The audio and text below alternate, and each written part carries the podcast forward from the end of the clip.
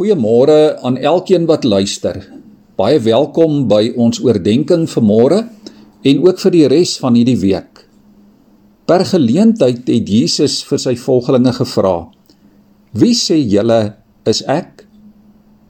Dit is beslis die belangrikste vraag waarop jy en ek ook 'n antwoord moet gee. Wie is Jesus vir jou? Op hierdie vraag het Petrus geantwoord: U is die Christus, die seun van die lewende God. Jy kan gerus van hierdie groot oomblik in Petrus se lewe gaan lees in Matteus 16. Ek sal baie graag by hierdie vraag wil stil staan die volgende paar oggende. Wie is Jesus vir jou?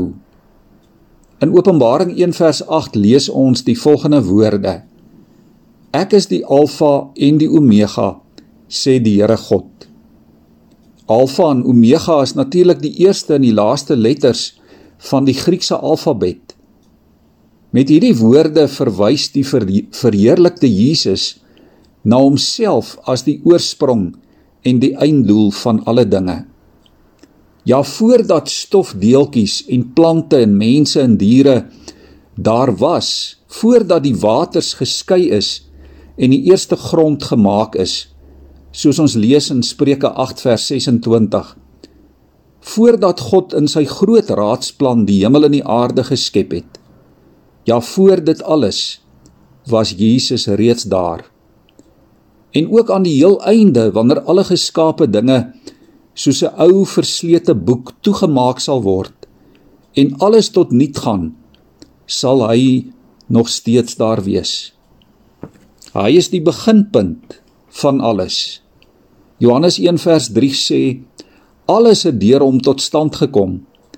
Nie 'n enkele ding wat bestaan het sonder hom tot stand gekom nie. Hy is die hoof van die skepping, die begin, die eersgeborene, die eersteling, die woord, die leier.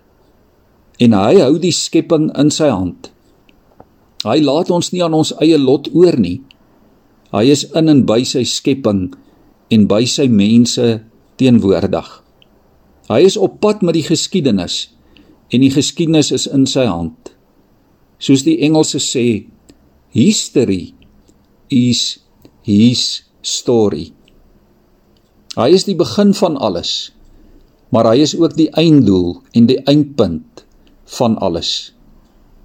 Toe sy hande werk as gevolg van die sondeval stikkend geval het, het hy dit weer kom heel maak. Hy het dit kom herskep en hy het vir ons dit moontlik gemaak om nuwe mense te word.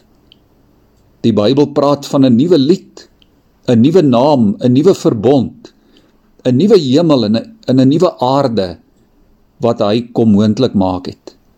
Dit wat God bedoel het sy skepping moet wees, is in en deur Jesus se verlossingswerk herstel. Hy kom uit die hemel na ons klein aardetjie en hy sterf op Golgotha, so word hy die doel en die eindpunt van alles. Daarom liewe vriende, sal die einde van die skepingsdrama nie 'n mislukte einde wees nie. Soos wat iemand gesê het, omdat Christus die spelleier en die dramaturg en die regisseur en die hoofkarakter van alles is. Paulus sê in Kolossense 1:16 Alle dinge is deur hom en vir hom geskep. Alle dinge sal uiteindelik in hom hulle doel bereik. Die groot vraag vir môre is of Jesus Christus al die alfa en die omega in jou lewe is. Is hy vir jou die eerste en die laaste en die lewende? Het hy al sy doel in jou lewe bereik? Watter plek het hy vandag in jou lewe? Is hy in beheer van jou dagbeplanner en deel van jou toekomsdrome? Is jou vandag en jou môre en jou ewige bestemming onder sy beheer? As jy hom het, het jy alles. As jy hom nie het nie, het jy niks. Kom bid vir môre saam met my. Here, kom maak vandag my lewe nuut. Die sin en die waarde van die lewe is net in U alleen o Here. Laat my dit vandag ontdek en dit opnuut beleef.